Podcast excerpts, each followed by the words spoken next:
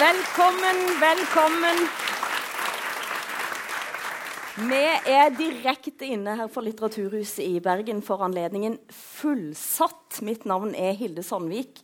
En ny episode av Norsken, svensken og dansken. Norden ligger på topp i alle lykkemålinger og målinger om åpenhet og tillit og miljø og likestilling. Og dermed så reiser spørsmålet seg Nå skal verden skjønne at vi er best og må bli som oss. For å komme til bunns i denne problemstillingen så har vi invitert en norsk komiker, en svensk akademiker og en dansk direktør. Men først av alt stemmer premisset. Er Norden best i verden? Og har verden noe å lære av oss? Til å gi sitt svar på det spørsmålet har nordmannen i panelet bedt om å få holde en kort innledning hvor han gir sitt svar. Harald Eia, ordet er ditt. Tusen takk. Ja, hvis noen uh, marsboere observerte jorda utenfra altså Helt fra vår art oppsto i uh, Afrika, og så da for omtrent 60 000, kanskje 70 000-80 000 år siden utvandret og spredde seg over hele verden. Og så vil disse marsbarna finne ut hvor er det denne arten har det best. Hvor er det de eksemplarene av Homo sapiens er sunnest, rikest og lykkeligst? Så tror jeg ikke de ville ha gjettet på at det var i dette området her. Helt i nord, så uendelig langt unna de klimasonene som vår art er utviklet. At vi skulle blomstre sånn her. Og som vi vet, dette er et uomtvistelig faktum. Spør man folk fra hele verden på en skala fra 1 til 10 hvor fornøyd er du med livet ditt, så kommer ikke varme land der vi er utviklet for å leve på toppen. Da kommer disse landene her. Norge, Finland, Danmark, Sverige litt langt nede for tiden, men det er bare midlertidig. Uh, så vi har de beste livene.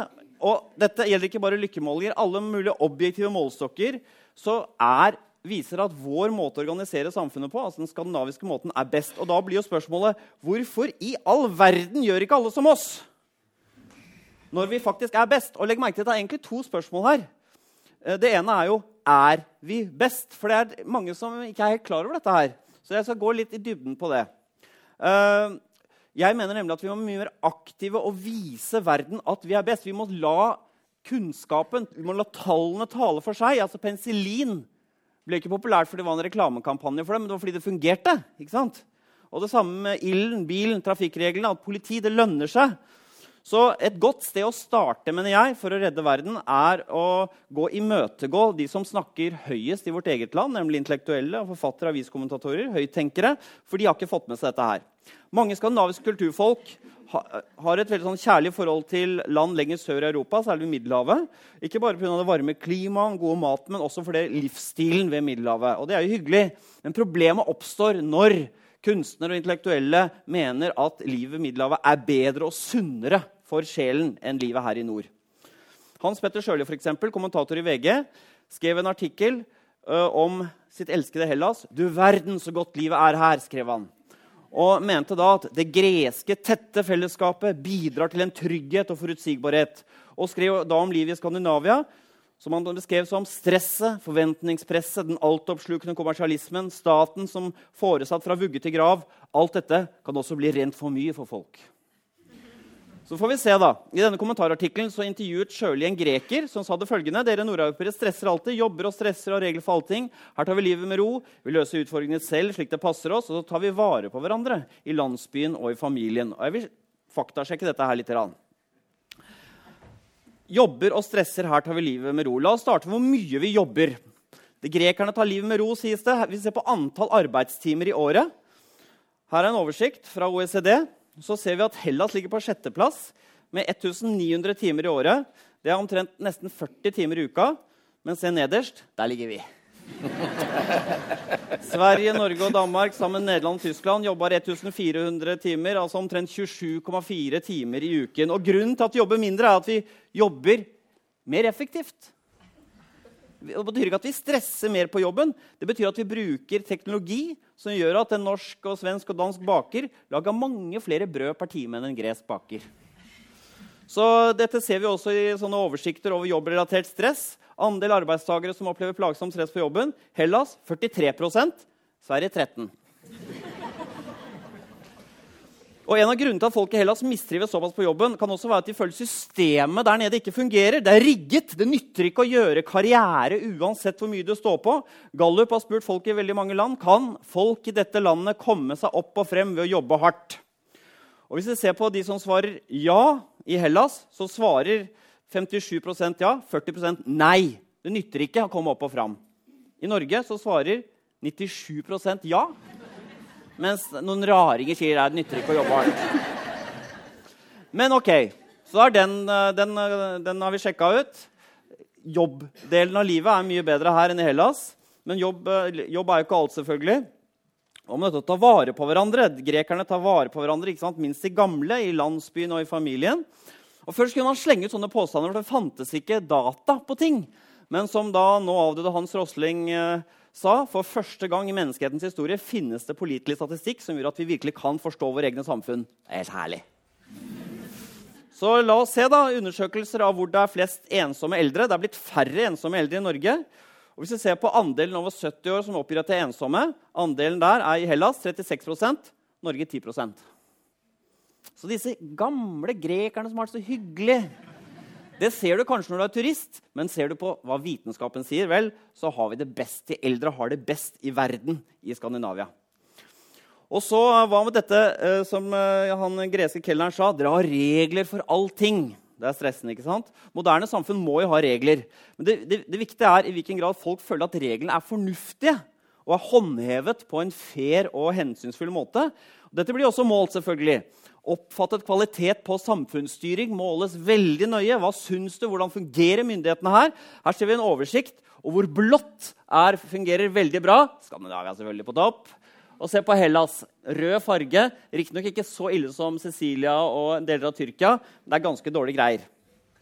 Og dette er interessant, for Hvis man sammenligner dette med tillit til at vi stoler på hverandre Det er jo det nordiske gullet. ikke sant? Det er det som gjør det mulig for oss å lage denne spleiselaget som velferdsstaten er så er det mange land som har for lavt tillitsnivå som vi ser her, for å få til en skikkelig velferdsstat. Norden selvfølgelig på topp her, med høy tillit mellom mennesker.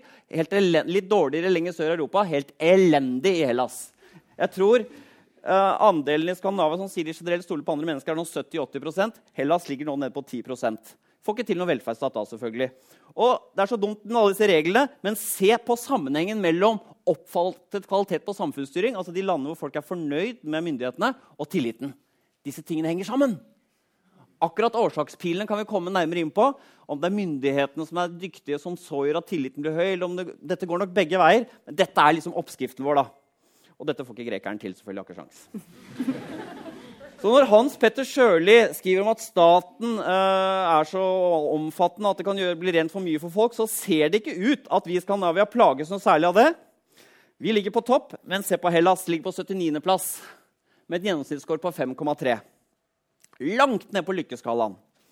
Så har vi noe å lære av Hellas. Ikke så mye, vil jeg si.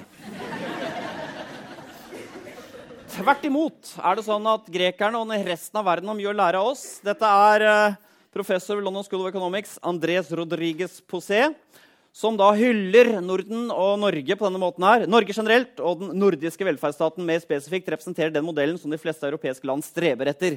Den nordiske velferdsstaten er fundert på en tanke om at alle skal ha like rettigheter og muligheter uansett hvor du bor, hva du tjener og hvem du er. Det nordiske støttesystemet som varer fra krybbe til død, er noe hele Europa misunner dere. Og da blir jo spørsmålet er vi best. Ja, og hvorfor i all verden gjør ikke alle som oss, da? Når dette beviselig er best? Det er ingen som sier sånn Nei, jeg har ikke gått over til penicillin. Vi har ikke noe tro på det. Vi Vaksine, nei. Og heldigvis, mens norske intellektuelle ikke har skjønt det, toppene i verdens, eller globale institusjonene de vet om dette. her. Verdensbanken skrev en rapport som handlet om 'Getting to Denmark'. Og Problemet med denne rapporten dette var en oppskrift. Hvordan skal resten av verden bli som oss? Problemet er at det er ikke så lett. Den uh, amerikanske statsministeren Francis Fukuyama sa det på følgende måte. Vi skal høre på han. This is the problem I call getting to Denmark, where Denmark is actually not the country Denmark, but it's, it's kind of a symbol for a well governed, peaceful, prosperous, um, uncorrupt uh, uh, place. And we want to turn Afghanistan or Somalia or Yemen into some version of Denmark, and we're just not making very much progress. So turns out I actually had a visiting professorship at the University of Aarhus. And I spent some time in Denmark, and you know, it turns out the Danes don't know how they got to be Denmark either. Uh, Selv danskene vet ikke hvordan de ble Danmark. Og det er noe av problemet. eh, og Derfor er jeg glad vi skal diskutere dette her. og Det er derfor dette bildet av denne tomsete vikingen på forsiden av Economist. Vi vet ikke hvordan vi har fått det til. Og jeg tenker, Skal vi redde verden, så må vi én, la tallene tale for seg. Vi må spre, vi må spre kunnskapen om at dette systemet er best. Men nummer to, vi må også finne ut hvordan vi klarte å bygge Det nordiske hus. For det er et mysterium. Og jeg håper vi kan komme litt eh, nærmere svaret på det i dag. Fordi eh, dette arrangementet heter Over grensen. Vi er best. Og så sto det på nettet 'utsolgt'. Men poenget er jo at vår modell Det er plass til mange på toppen her. Den modellen er ikke utsolgt. Her er det plass til mange. Dette er ikke et nullsumspill. Vi kan alle komme opp på vårt nivå, mener jeg. Lykke til, resten av verden. Takk for meg.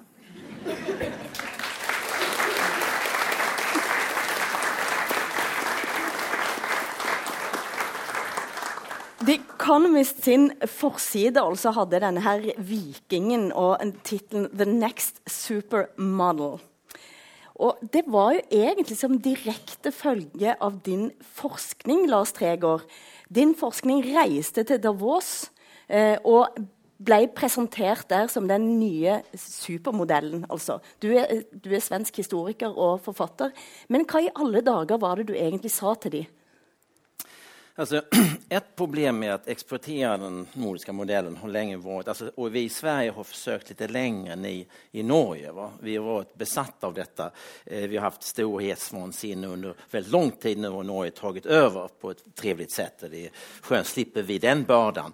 Eh, men problemet som vi hade med då den svenska modellen, alltså också då den nordiska modellen, var att många eh, i världen tänkte på det som en form av socialism.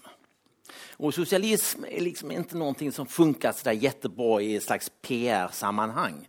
Det finns väldigt många människor runt om i världen som inte är så förtjusta i socialism. Och då försökte jag visa i min forskning att det som var nyckeln egentligen i det svenska samhällskontraktet och även det nordiska i allmänhet var egentligen att det hade mycket mer att göra med individuell frihet.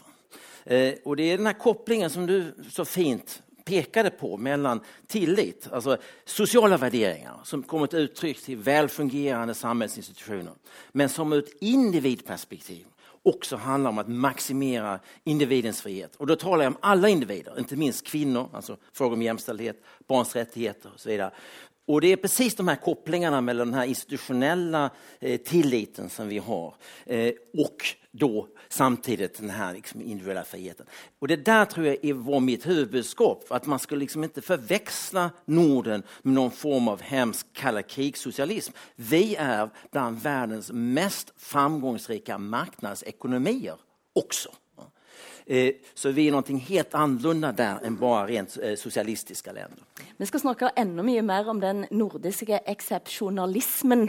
Eh, og da mener jo du at Sverige er mest eksepsjonelt av alle de nordiske land, vet jeg du har sagt. Men Tine Aurvik Hugenberger, du er tidligere fagforeningstopp og en av de politiske strategene bak Danmarks første kvinnelige statsminister, og nå direktør. Eh, dans, selv danskene skjønner ikke hvordan man ble Danmark. Forstår du det? Ja, ja. Det forstår jeg godt. øhm, til å starte med så kan jeg fortelle Jeg er gift med en sveitsisk mann. Øh, og han er i øyeblikket i ferd med å søke om dansk statsborgerskap. Og på den siste side i de papirer man skal udfylde, der står der, at man skal skrive under på, at man vil overholde danske værdier. Og jeg sad og kiggede på det der stykke papir. Og så spurgte min mand mig, hvad betyder det? Og så kløede jeg mig lidt i hovedet, så siger ja, det betyder, at øh, du går ind for ligestilling. Okay, sagde han så. Ja, jamen, det gør jeg. Øh, det betyder, at du går ind for retsstaten. Ja, ja, det gør jeg, siger han så. Det betyder, at du vil forsvare demokratiet. Ja, ja, det gør jeg. Det betyder, at øh, du går ind for den danske model. Og så skulle han selvfølgelig være morsom og sige, hvordan ser hun ud? øh, Men, øh, men det, der er, det, der faktisk er, er kernen, det er jo, at øh, øh, som Lars også siger, at vi har jo besluttet oss for i de nordiske lande, at hvis alle mennesker får de samme muligheder, ikke at de er ens, men at de får de samme muligheder, at vi går i de samme skoler, møder hinanden på tværs af, hvor vi kommer fra, øh, så, så opbygges der et samfund, der opbygges en demokratiforståelse, en, menneske, en humanistisk forståelse, som, øh, som gør, at øh, vi scorer så højt på de der tillidsbarometer. Og så, tro, så tror jeg, at der er en afgørende forskel, eller, eller ikke forskel, men der er en afgørende ting, som adskiller de nordiske lande fra resten af verden. Og det er barneomsorg. Det, at vi kan få passet vores børn i kvalificerede institutioner, så kvinderne kan være på arbejdsmarkedet, og dermed bidrage til, at vi har et højt velfærdsniveau, og at kvinder rent faktisk har de samme muligheder som mænd. Så man kan sige, hvis man skal leve den amerikanske drøm, så skal man flytte til Norden. For du, Lars Tregård, du flytta ut, men så flytta du tilbake igjen. og Det kan vi òg snakke litt mer om. Men jeg har lyst til å bare høre litt på, for det fantes jo noen landsfedre her. Eh, og vi skal høre på den eh, norske landsfader Einar Gerhardsens forklaring på suksessen. Den fellesskapsfølelsen som ble skapt under krigen, og som jo var en merkelig og eiendommelig opplevelse som for alle som fikk være med på det. Den følelsen holdt seg jo også i lang tid etter at krigen var slutt. Eh, det syns jeg på mange måter har vært noe av det rikeste og fineste, også under arbeidet i en del av tiden etter krigen. I ja, det siste året før krigen brukte en 140 millioner kroner til trygdeytelser. I dag er beløpet kommet opp i 2800 millioner kroner. Og dette er også uttrykk for en seier for fellesskapstanken og eh, tanken om solidaritet mellom samfunnsgrupper og landsdeler. Her er et lite klipp der en nå kan se Einar Gerhardsens smil når han snakker altså om hvor mye større trygdeytelsene nå har blitt. Eh, og Harald, du, skapt, du skapte din karriere du nesten på å gjøre narr av dette. Har du nå begynt å komme på andre tanker? Nei, ja, nei, det, var at vi hyller Det var akkurat som jeg sa en karriere på å hylle Einar Gerhardsen fra ståstedet for en som ikke kan noen ting om Einar Gerhardsen. Som bare hadde hørt om han. En eller annen rar idé. Men har Gerhardsen Jeg tenker at Gerhardsen tar litt feil. jeg. Fordi noe av det feteste og det beste med, med Norden er jo ikke synes jeg, den fellesskapsfølelsen. Den er jo der selvfølgelig. Den er, gir en god, veldig god følelse. Men det at vi kan, som eh, Lars har beskrevet, vi er helt uavhengig av familien. Vi trenger, vi trenger, ikke bry oss om hva foreldrene våre eh, når vi skal studere. De kan ikke blande seg opp i det. Kvinner er blitt fri fra menn. Barn er fri fra sine foreldre. Du jo, blir jo tatt fra barna hvis du ikke oppfører deg ordentlig. Så dette synes jeg er det, egentlig er den store Hvis jeg skulle pitche inn Norden, ville jeg ikke lagt vekk på det Gerhardsen legger vekt på. Med, med trygde og utgifter og fellesskap. Nei, nei, du kan bli fri og uavhengig så er det noen små priser å betale for det. selvfølgelig. Mulig litt ensom akkurat når du er sånn 18-19, litt usikker hva skal gjøre med livet mitt. og sånn. Men det er det vi må selge inn. Familien eh, det kan være hyggelig sted å møtes. Vi, vi, sender våre gamle på gamlehjem. Og vi sender våre barn i barnehage. Familien det er bare en hygge, hyggeting, det nå. Det mener jeg. Du nikker, Lars. Nej, men det är, det är precis som du säger, det här är något som jag har skrivit om. Och jag, jag beskriver det här som en svensk teori om kärlek. Att, eh, någonting som är väldigt eh, skandalöst i resten av världen, men just den här idén om att kärlek handlar faktiskt i första hand om frivillighet, jämlikhet och autonomi, inte av beroende. Eh, vilket jag tror i den västra delen av världen så tänker man på kärlek som en fråga om ömsesidiga beroendet. Eh, och som du säger, om du frågar idag äldre i Sverige, och det är säkert likadant i Norge och Danmark, vad de föredrar. att vara beroende av sina egna gulliga barn eller den offentliga omsorgen så får man då det här chockerande svaret att de föredrar den offentliga omsorgen. Och då kan man ju möjligtvis undra varför. För det är därför jag skrev en bok som heter Är svensken människa? En herlig titel tittel ja. for øvrig. Er svaret ja eller nei? Norrmän och danskar vet omedelbart svaret på frågan. Eh, Men alltså, titeln tog jag från en, en svensk journalist som skrev en bok med den här titeln 1946 som hatade Sverige. Han älskade Italien. Nästan likadant, ungefär som Grekland. Va? Och för familjen. Och, och poängen är att, att när du ställer lite en annan fråga till de här äldre i Sverige, va? För, för, för att vara lite rättvis. Va? Vill ni att era barn kommer och besöker er? Då säger nästan alla ja. Så poängen med den svenska teorin om kärlek, det är inte det att vi är så osällskapliga och inte tycker om varandra, men vi vill ha relationer byggda på frivillighet, inte plikt och tvång. Det är det som är kärnan och det är därför det är så viktigt det som du säger va, kring det här. För jag tror också detta är liksom nyckeln va, till de nordiska länderna som frihetsprojekt där vi har relationer men på frivillig basis.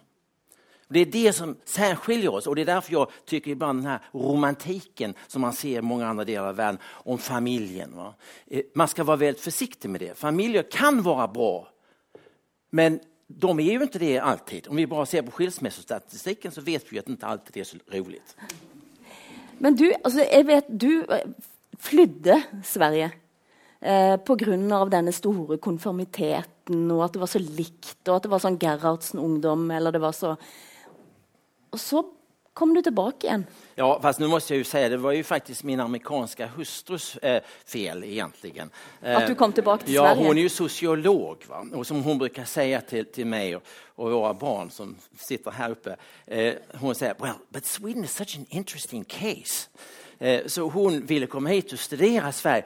Så faktiskt Harald, här har du någon som kommer utifrån och är intresserad av Sverige. Och nu, va, intressant, vi pratar ju ofta om detta, ska vi åka tillbaka till, till Kalifornien, och, you know, so hip and cool and so much going on. Men alltså, hon säger, nej, alltså, det där med Sverige var inte så dum idé. Ja. Nej, men jeg synes jo, jeg er faktisk fuldstændig enig med dig, Harald, fordi at det, den allerstørste sejr i den nordiske model, det er jo individets frisætning. At, øh, at vi ikke er afhængige af en, øh, man kan sige, en økonomisk cirkel i familien. At øh, man som kvinde, Nora, kan rejse sig og gå ud af døren. Mm. Og det er, det, det er et helt kolossalt frigørelsesprojekt, som er lykkedes, fordi vi har fået opbygget det, man kan kalde den universelle velfærdsstat. Øh, den har... din mann dette også, fra Ja. Schweiz? Ja, det forstår han. Ja. Og det, der jo er interessant, det, der jo er interessant med Schweiz, det er, at Schweiz minder jo faktisk på rigtig, rigtig mange måter om de nordiske lande. Uh, han flygtede så til Danmark på grund af konformiteten i, øh, I, i Schweiz. Schweiz, og flygtede til Danmark for at bo på Christiania. Men, Altså, på- nettet, så ligger så li, på nettet så, i sosiale medier så ligger det sånne klipp fra noen amerikanske mødre som legger ut klipp hvor de sier sånn uh, Jerry, why don't you call me? I gave birth to you. We paid for education. You owe me this. Call me. Og den, den å være fri fra dårlig samvittighet og fri fra de båndene der For en gave! På amerikanske college har de egne sånne utkastere. altså sånne vakter som, fordi Foreldrene kommer jo på universitetet og skal besøke barna sine der. Fordi de har betalt for det, så de mener de har rett til det. Og barn og foreldre er jo bestevenner. Det er helt sjukt. Men, det- men du vet, dette er jo det, det, alltså dette er et kjempebra eksempel. For når jeg kom til USA då, eh, som ung, va, jeg var jo bare tonåring, så skulle jeg da søke inn på college i Kalifornien. Eh, og da så hadde jeg en fråga som hadde med penger å gjøre. va, For jeg hadde inga penger, nemlig. så jeg var veldig intresserad av penger. Eh, og da jeg, jag, men så jeg, säg att ni accepterar meg på akademiske meriter, liksom, Hvordan ordner vi med betaling? For det er jo en ganske dyr hobby å lese på college i USA. Eh, och då sa han, ja men there's no problem, you know, we, have, we have these applications here for financial aid. You know. Så de gav mig två stycken liksom, papper. Va? Och den ena bunten var väldigt enkelt, det handlade om min inkomst och min förmögenhet. Så det var bara en massa nollor och snabb underskrift. Va? Det tog tio sekunder.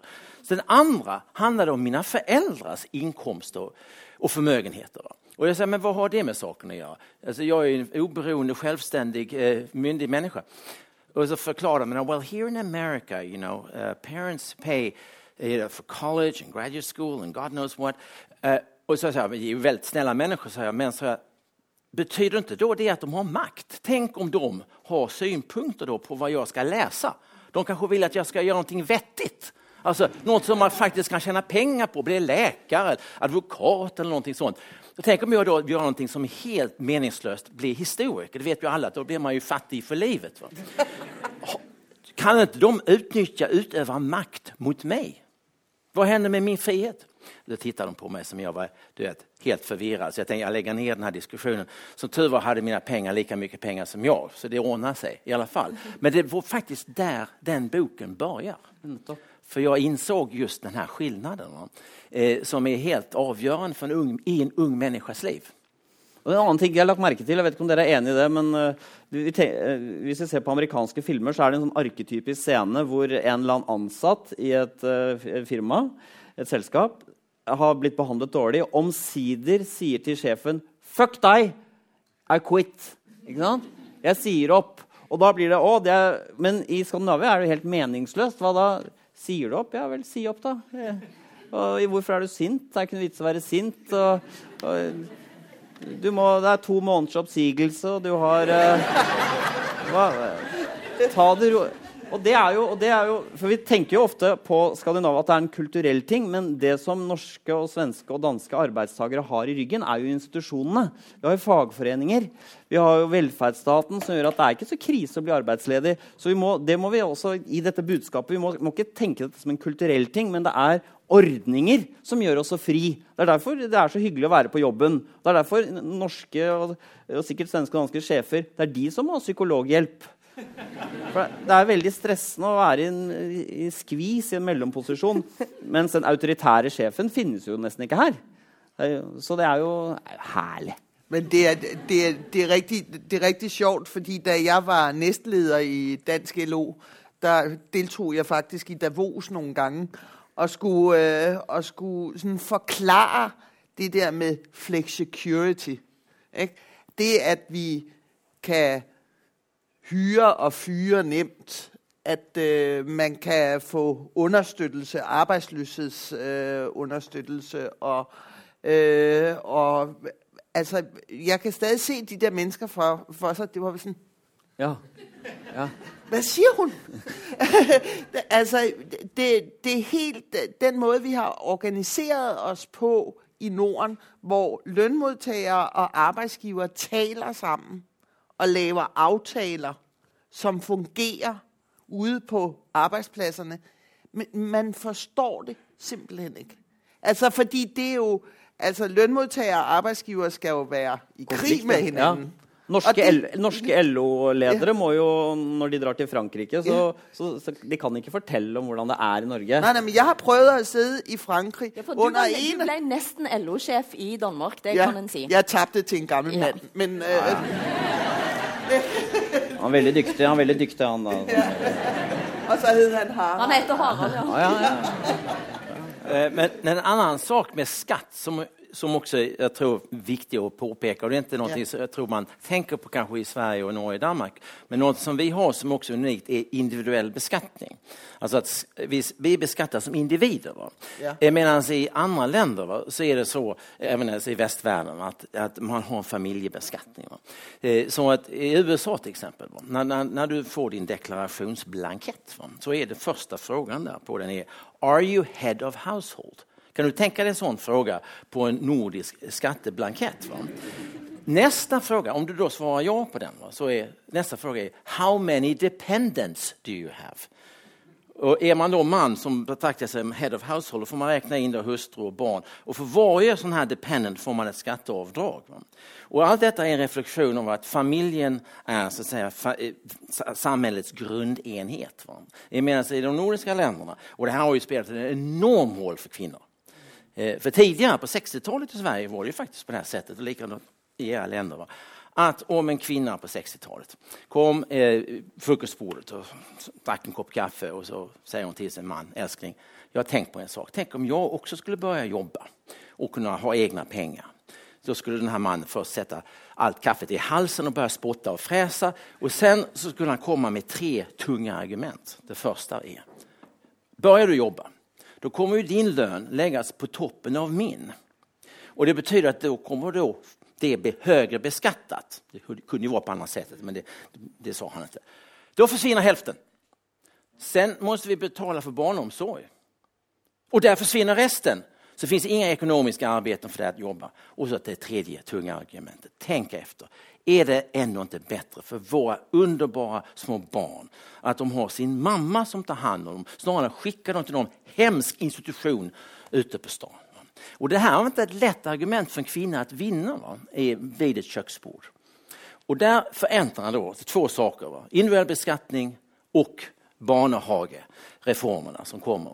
Som då förändrar förutsättningarna fullständigt. Så den här typen av institutionella aspekter, va? det är detta man kan prata om om man verkligen på allvar vill sprida det goda budskapet. Så är det här ett sådant exempel va? på någonting som fortfarande, i Tyskland finns det en liten debatt kring detta. Eh, men det finns fortfarande inte den här typen av beskattning. Det gör att incitamentstrukturerna ser helt annorlunda ut. Va? Och det påverkar kvinnor framför allt. Men, men visste, jeg lurer på dere som uh, faktisk har styrt samfunnet, i hvert fall uh, du, da. Eh, visste man at det kom til å lønne seg så veldig at kvinner begynte å arbeide? Eller det, kom det som en liten overraskelse at det var sånn gunstig for økonomien? Altså, hva som hender... Nei, det var ikke du som Nei, la mannen forklare dette her. Ja. Nei, men Lars, Lars, hvordan er det med kvinner? Jeg vil at Tine skal snakke først her nå, og så skal du få lov til å komme til orde. Vær så god, Tine. jeg, jeg, I slutningen av 60-tallet, hvor i hvert fall i Danmark der er den der massive bevægelse av kvinner ute på arbeidsmarkedet, der er, der, jo, der er det jo spørsmål om, at der er mangel på arbeidskraft. Ja. Øh, og derfor, øh, derfor tar man alle de her initiativer. Man kan sige, arbejderklassens kvinder har altid arbejdet. Ja. de har altid arbejdet. Men, øh, men borgerskabets kvinder kommer på arbejdsmarkedet der i, uh, i slutningen af, af 60'erne. Det er jo en meget, meget kort periode dybest set i verdenshistorien, hvor man har haft kvinder, der gik hjemme, som vi så det ja, der ja. i, uh, i, uh, i 50'erne. Uh, men jeg tror ikke, man var bevidst om, hvad det kom til at betyde for samfundsøkonomien, hvad det kom til at betyde for hele den institutionelle opbygning. Og mest af alt tror jeg ikke, man var bevidst om, hvilken frigørelse det førte med seg. Nej. Fordi hvis man hadde vært bevidst om det, så tror jeg at man hadde gjort noe annet. men alltså, det, kan ju bara det svenska exemplet ordentligt. Va? Men i Sverige så var det ju så att in, vad som uppstår politiskt var en väldigt intressant situation på 60-talet. Det är en allians mellan liberala feminister och socialdemokratiska feminister eh, som då faktiskt är ute efter eh, kvinnans emancipering. För där är det väldigt tydligt politiskt. Va? Men sen har du helt rätt. Va? Att det som var nyckeln var, var att i Sverige, likt andre andra länder i, i Norden, så var det som du säger en, en arbetsmangel. Alltså det fanns ett starkt behov av arbetskraft. Så de här konservativa manliga fackföreningspamparna, de kunde resonera ah, det spelar inte så stor roll, för det finns så mycket jobb så vi kan ge några jobb åt kvinnorna också. Va? Ja. Och, och då är skattereformen sker i Sverige 1971. 73, kom ihåg detta, då kommer oljekrisen. Va? Och då förändras? Så det var ett väldigt intressant ögonblick när de här reformerna genomfördes. Va? Eh, och det fanns också diskussioner eh, som är lite känsliga i dessa tider. Att, att det fanns en del som resonerade att det var ju väldigt mycket arbetskraftsinvandring i Sverige på den här tiden också. Va? Eh, och då fanns ju en del som resonerade att ja, det är väl bättre att vi har fler svenska kvinnor på arbetsmarknaden än fler arbetskraftsinvandrare in. Ja.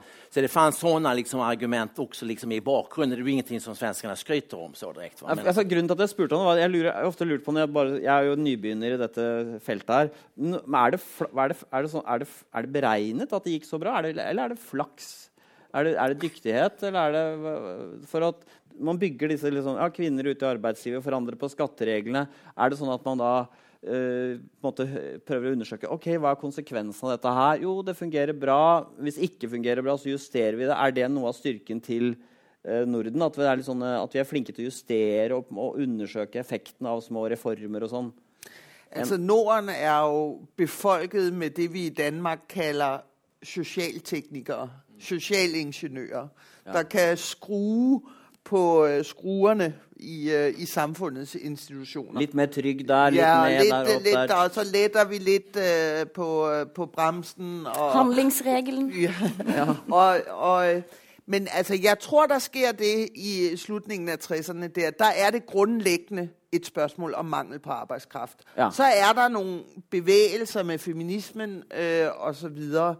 Øh, men, men da vi kommer opp i 70'erne og oljekrisen, der var der jo også i Danmark bevegelser om at når man, så kunne de der kvinner jo godt gå ut av arbeidsmarkedet igen. Ja, for de tok kunne jobbene fra menn. Ja, ja, de tok. ja. Det er jo fuldstændig ligesom efter krigen, Ja. hvor kvinderne Ja. havde arbejdet i Ja. industrien, mens øh, mændene var i krig, og da mændene kom tilbage, så, ja, så kan I godt, ikke?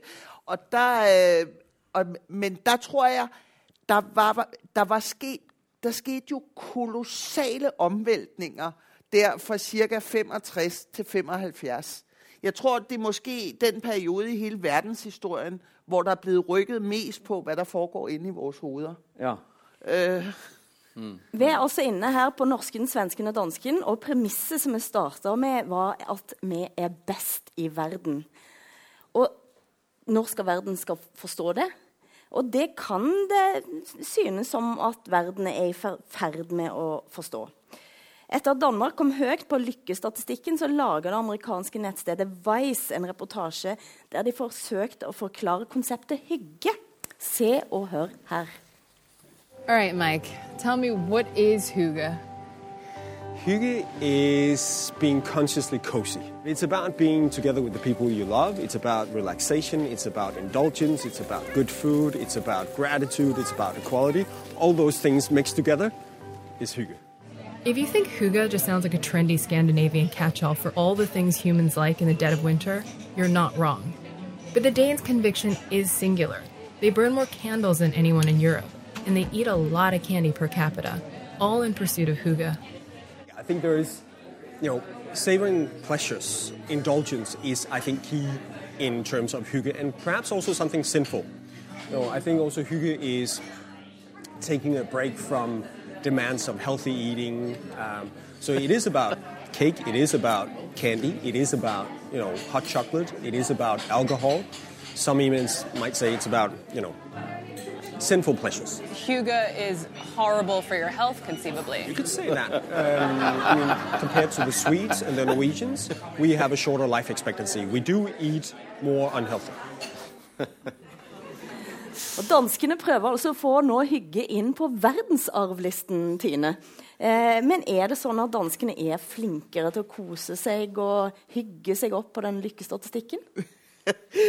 Jamen, altså, apropos verdier, så er det der begrep hygge, det er lige plutselig blevet sånn en grunnverdi i Danmark, hvilket simpelthen er. Altså, øh, der er ingen tvivl om, at øh, der er rigtig mange mennesker der betragt, i Danmark, der betragter det der med hygge som, øh, som sådan noget, der hører familien til, blandt andet. Øh, men der er, altså, der er altså også et ret stort element af tvang i begrebet hygge. Ja. Fordi at øh, det er, det, for eksempel har vi i Danmark sådan en betegnelse, der hedder, nu skal vi ikke diskutere politikk, vi skal hygge oss. Utropstegn. ja. Og der, altså det, sådan, til de der familiemiddage, der kan man godt få at vide, hygg dig! Så, øh, så der er, det, det, er blevet, altså det er blevet litt sådan fortærsket. Øh, det er blevet sådan, Ja, fordi jeg, jeg er liksom oppgitt over den hyggegreia. Det er en del sånne falske profeter som jeg mener vi må ta tak i. Blant annet en dansk økonom jeg husker ikke hva hun heter, men hun reiser rundt for å lære verden om tillit, trust. Hun holder sånn TED-foredrag. Og så sier hun eh, hun sier, It has to start with you. You have to trust people, and then trust will spread. Nei. Det er ikke sånn det foregår. Og det for meg er det det samme med hygge. Det er bare tull. da. Så det, det, vi må rydde litt opp i liksom hva som funker. Det som funker, er jo flinke byråkrater. ikke sant? At individuell beskatning Vi må oppløse familien. Religion det, det, det, forvitrer jo av seg selv, da. Men alt det også må bort fra samfunnet. ikke sant? Så, ja. Men du, då får jag ställa en fråga till dig och dig. Eh, för något som fascinerar oss svenskar är ett norskt begrepp, dugnad. Som tydligen ni håller på med stup Vad betyder det? Ja, precis. Det är min fråga till dem. Då, då gaddar de ihop sig, norrmännen, förstår Och så löser de en massa problem och bygger hus tillsammans och gör, gör fint där de bor och, och fixar med grejer och, och sådana här saker. Eh, men nej, ni får berätta. Dugnad, är detta ett viktigt norskt begrepp? Ja, altså det som har skjedd i det området jeg bor, når det er dugnad i barnehagen, da leier folk polakker som kommer på dugnaden. Som virkelig kan eh, snekre og male og Det har blitt et sånt symbol. Er, er, det det du vil selge til verden, da? Bli rike som oss, så ja, da Det er alltid olje. Ja, ja da. Men litt olje. Og vi, vi, vi er kunstig rike, men vi Ja. Men eh, nei, jeg tenker at det dugnadsgreiene det er også sånn, sånn tilsvarende danske hygge. Det er, bare, sånn, det er, glasur på kaken, det er helt ubetydelige ting. I, I, USA også har de sånn at alle i oppgangen skal male sammen og sånn. Det er jo ikke noe sånn unikt norsk, det. Nej, det, nej, nej, men jag, jag bara säger det. Jag ja. tror här, va, det kan vara en skillnad, va, för jag tror i Sverige så har vi varken dugnad eller hygge. Va. Utan vi, vi, nej, det har jo, vi inte. Det, det, är ett begrepp som verkligen inte passar. Va? Ja, men det är det samma som ja. dugnad, det som du har med lagom. Du, Jo, men lagom är, är inte någonting man gör tillsammans. Va? Nej, alltså det som är intressant med dugnad är, är liksom någonting som vet, man gör. Och jag tror att, att eh, vi svenskar kan ibland vara lite avundsjuka på detta. Va? Alltså när vi tittar på åh oh, gud vad fina de är norrmännen och gör, gör de här grejerna tillsammans. Och danskarna bara har det trevligt hela tiden och äter en massa bakelser och grejer. Och, och, och, vi är lite trista och tråkiga va? Och liksom och går på jobbet och sitter och du vet, bara liksom för oss själva. Och, alltså inte har speciellt roligt. Va? Så vi är lite avundsjuka på dugnad och hygge. Jag är lite mer depressiv än danskar nordmenn. Nå så kommer sanningen. mer selvhatende, er det ikke det vi egentlig er mer opptatt av? Ja, men dette er jo også interessant. For, for det, det, kan dere gjøre sammen. Selvhating. Yes. yes. Jeg tror, jeg tror det som svensker er eh, avundsjuka på nordmenn og dansker er exempel 17 mai. Altså Alltså den her orgien av liksom, nasjonalisme. Ja. Där man liksom er stolt av landet, eh, har det rolig sammen. Det der, det där Å ena sidan tycker oj vad hemskt, och andra sidan, åh gud vad det ser jätteroligt ut. Va? Och, och likadant liksom den här danska självkärleken va, som är nästan oändlig och ibland tar sig vissa ut, uttryck vad det gäller människor som inte är danska som vi då diskuterar och så i Sverige. Va. Men alltså det, det finns någonting där, va, den, den liksom svenskan är lite besatta just av eh, på något sätt att vara del av världen, var universella va? och, och liksom klarar inte riktigt av den här liksom självtillräckligheten va? som jag tror är mer naturlig i Norge eh, og Danmark. Dette skal vi òg litt innom, men faktisk så er det sånn da at i Danmark så har en i flere år snakka om dansk kanon. Verdikanon og kulturkanon. Svenskene vil ikke ta i det med ildtang. Helt fram til forrige valg. Der plutselig så skulle man snakke om svensk kultur, noe man faktisk heller ikke har snakket om.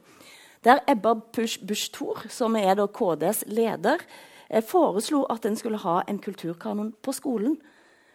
Men det var før hun selv var på TV i en quiz, og hør hva som skjedde der. Du har ju föreslagit att skolan ska införa en litterär kanon. Mm. Alltså en lista över böcker som alla elever ska läsa och det här skulle också kunna vara ett, eh, ett sätt att integrera eh, eh, alltså nyanlända i Sverige. Och nu ska vi testa lite dina litterära kunskaper. Oh. Vi har tre frågor här. Vem har skrivit Gösta Berlings saga? Det står faktiskt helt still. Jeg jag vet, det är jättejobbigt när man får en sån här fråga. Nej, jag har ingen bra gissning. Ska vi prova med nästa? Still. Eller vill du att jag ska säga det? Ja, det tycker jag. Nu får passa Lagerlöf. på att bilda mig här. Ja, såklart. Ja. Du kan säkert någon annan av Selma Lagerlöf? Ja, eh, till exempel Jerusalem. Just det. Ja. Se, det var bara att vi valde fel fråga. Giftas? Nej, vi... Eh, ja, du. Vi är inte på Hjalmar Söderberg. Men vi sier det for sakens skull. Dr. Mm. Glas är jag väldigt förtjust Ja, fast det var inte det. Ja. Men det håller jag med dig om. August Strindberg. Ja, såklart. Och den tredje, Gentleman. Ingen av de här tre har jag läst. Jag tror att jag får lov att lägga på de här på min egen, egen lista. Det är, en, det är en ledamot av Svenska Akademin som har skrivit den. Nej. Claes Östergren. Mycket bra. Jag tar med Vi lämnar de, de där tråkiga ja, frågorna. Det. det gikk ikke så veldig bra dette her, da, Lars. När en svenske skulle snakke om svensk... Eh... Nei, altså vi, vi har för, det här är svenske föreställningen vad det gjelder eh, kultur. Eh, vi tror på mångkultur. Og det betyder da følgende va? at andre folk har en kultur eh, och den er veldig fin og den skal respekteres. Og Derfor har vi da en ideologi kring det mångkulturelle samfunnet. Det fins ett undantag fra dette, og det er just Sverige. För Sverige har ingen kultur och i den mån Sverige har en kultur så är den nog förtryckande och någonting som vi ska göra oss fria ifrån. Och det är där den stora skillnaden går. Va? Och då blir det här så ömtåligt. Va? Alltså, kring kultur, det är ju sånt som framförallt Sverigedemokraterna pratar om i Sverige. Och i svensk politik är det så att om Sverigedemokraterna säger bu, då säger alla andra partier bä. Och det gäller inte minst den här kulturfrågan. Men det är liksom kopplat till den här, det vi ser i stora undersökningar, både mina egna undersökningar i Sverige och stora internationella undersökningar visar att svenskar sticker ut globalt vad det gäller frågan om huruvida man har en etniskt definierad idé om nationell identitet. Vi ligger oerhört lågt här jämfört även med USA och Kanada, alltså invandrarländer. Eh, för att inte tala då om Norge och Danmark. Så vi har en föreställning om oss själva som på något sätt bara ett uttryck för någonting universellt. Eh, och vilket då betyder att kultur blir någonting lite futtigt, va? lite introvert. Va? Eh, lite främlingsfientligt nästan definitionsmässigt. Så vi har en väldigt annorlunda relation va, till hela idén om svensk kultur och svenska värderingar. Eh, även värderingar som vi ser på de här eh, värderingskartorna där Sverige sticker ut och är verkligen annorlunda. Då säger man alltid så här att det är inte svenska värderingar utan det är värderingar som tycks vara speciellt vanliga i Sverige. Ja. Måste man då uttrycka det. Annars kan man bli anklagad för att vara rasist. Så man får vara väldigt försiktig vad det gäller att prata om svensk kultur och svenska värderingar. Men är detta något av trusselen mot välfärdsstaten som vi känner den, alltså den norska, och nordiska, och den svenska och danska modellen? Du menar eh, att det skulle, alltså den här frågan om den kulturella aspekten? Mm. På, ja, jag tror det. Alltså jag tror att det finns ett underbart ord på norska og danska som vi har på svenska, som heter likhet. Och likhet betyder på deres språk betyr både jämlikhet og noen form av kulturell likhet. Medan på svenska så finns det två olika ord, va, nämligen jämlikhet og likhet som då har de här kulturella konnotationerna. Vi er väldigt komfortabla med jämlikhet. Men, men, kulturell likhet tycker vi är jobbigt och fult. Eh, och problemet var det att all liksom, forskning som finns va, pekar ju på just att någon form av känsla av ett gemensamt vi är helt centralt. Eh, du kan inte ha ett samhälle om inte du känner att man hör ihop på något sätt. Va? Er det sånn at vi er, velferdsstaten er mer avhengige av et sånt felles vi yes, enn for, andre land? Ja. Så vi er mer sårbare når det forvitrer? Yes, for at vi har hva man kaller for ikke en liberal demokrati utan en substantiell demokrati. Altså, Hvilken er den mest populære svenske myndigheten, tror ni? Skatteverket. Skatt är det främsta Sådan uttrycket, det främsta uttrycket för hög tillit. Va? Eh, att vad vi har är ett, ett samhällskontrakt i de nordiska länderna, även om vi då kanske inte i Danmark uttrycker det så tydligt vad gäller Skatteverket, så är det ändå så att det är en institutionell infrastruktur va? Eh, som bygger på att vi litar på varandra, att vi känner att vi har ett gemensamt samhälle. Och detta är inte bara rena teknikaliteter. Det är också en känsla av ett stort gemensamt vi. Och detta tror jag egentligen är som att slå in öppna dörrar med norrmän och danskar. Men i Sverige är detta en väldigt, väldigt ömtålig fråga. I Norge så vet jag att för några få år sedan så blev det gjort en undersökelse som säger att åtta av tio norrmän är väldigt förnöjda med välfärdsstaten. Men de flesta syns att det borde varit färre statsansatte. Du sa at det ikke var sånn i Danmark at eh, skattemyndighetene kom på topp av den instansen en liker. Hvor, hvor, tror du at Danmark hadde plassert seg her? Danskerne er litt skizofrene i øyeblikket omkring velferdsstaten. Øh, vi har haft en kjempeskandale i skatt i Danmark, hvor at øh, der er forsvunnet milliarder, trilliarder, milliarder ut av landet, øh, som spekulanter har trukket ut via sådan nogle ska forskellige skattefinter. Og det er ikke blevet opdaget. Øh, som sag er den enormt illustrativ for, hvor vigtig at tillid øh, og lav korruption er.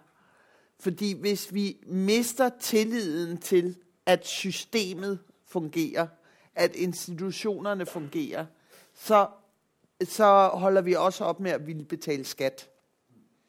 Og det er, og det er, en, øh, det, er en, det er faktisk en meget stor diskusjon i Danmark i øjeblikket.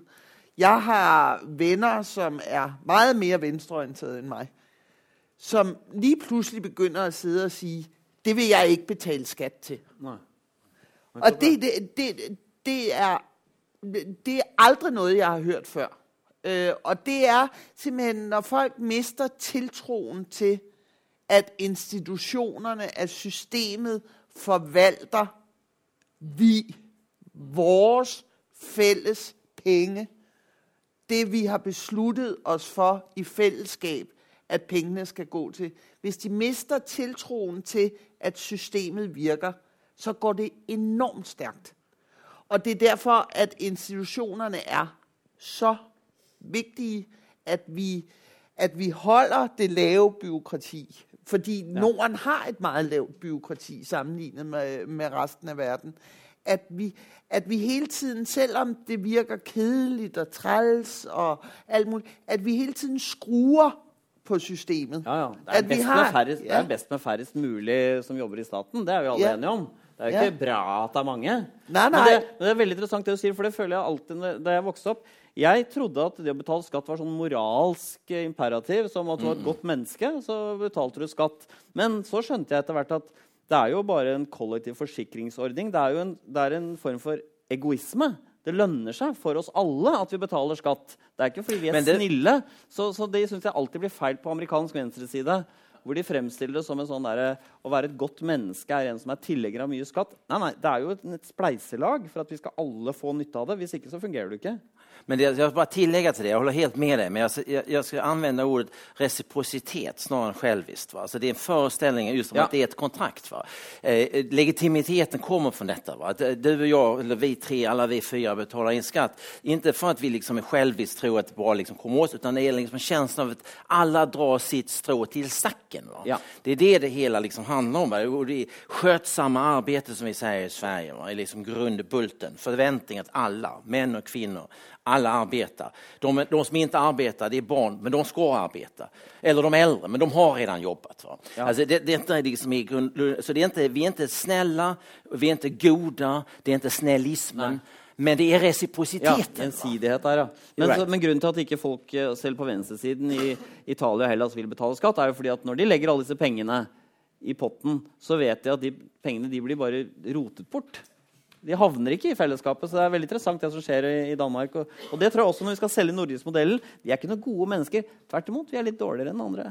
Så, ja, så men, alltså, men, men alltså, bara en sak. Jag tror att det, det, du, du, du, gjorde så bra greie med at du hadde med Fukuyama. Va? Altså, med denne spørsmålet frågan om how to get to Denmark. Right? Og liksom, det er jo liksom the one billion dollar question. Og det ingen har svaret på det, for det er veldig veldig svårt å vite hvordan det där går til. Men vi vet mye mer om hvordan det faller sammen. Yeah. To get out of Denmark, right? Which apparently is what you guys are doing in Denmark right now.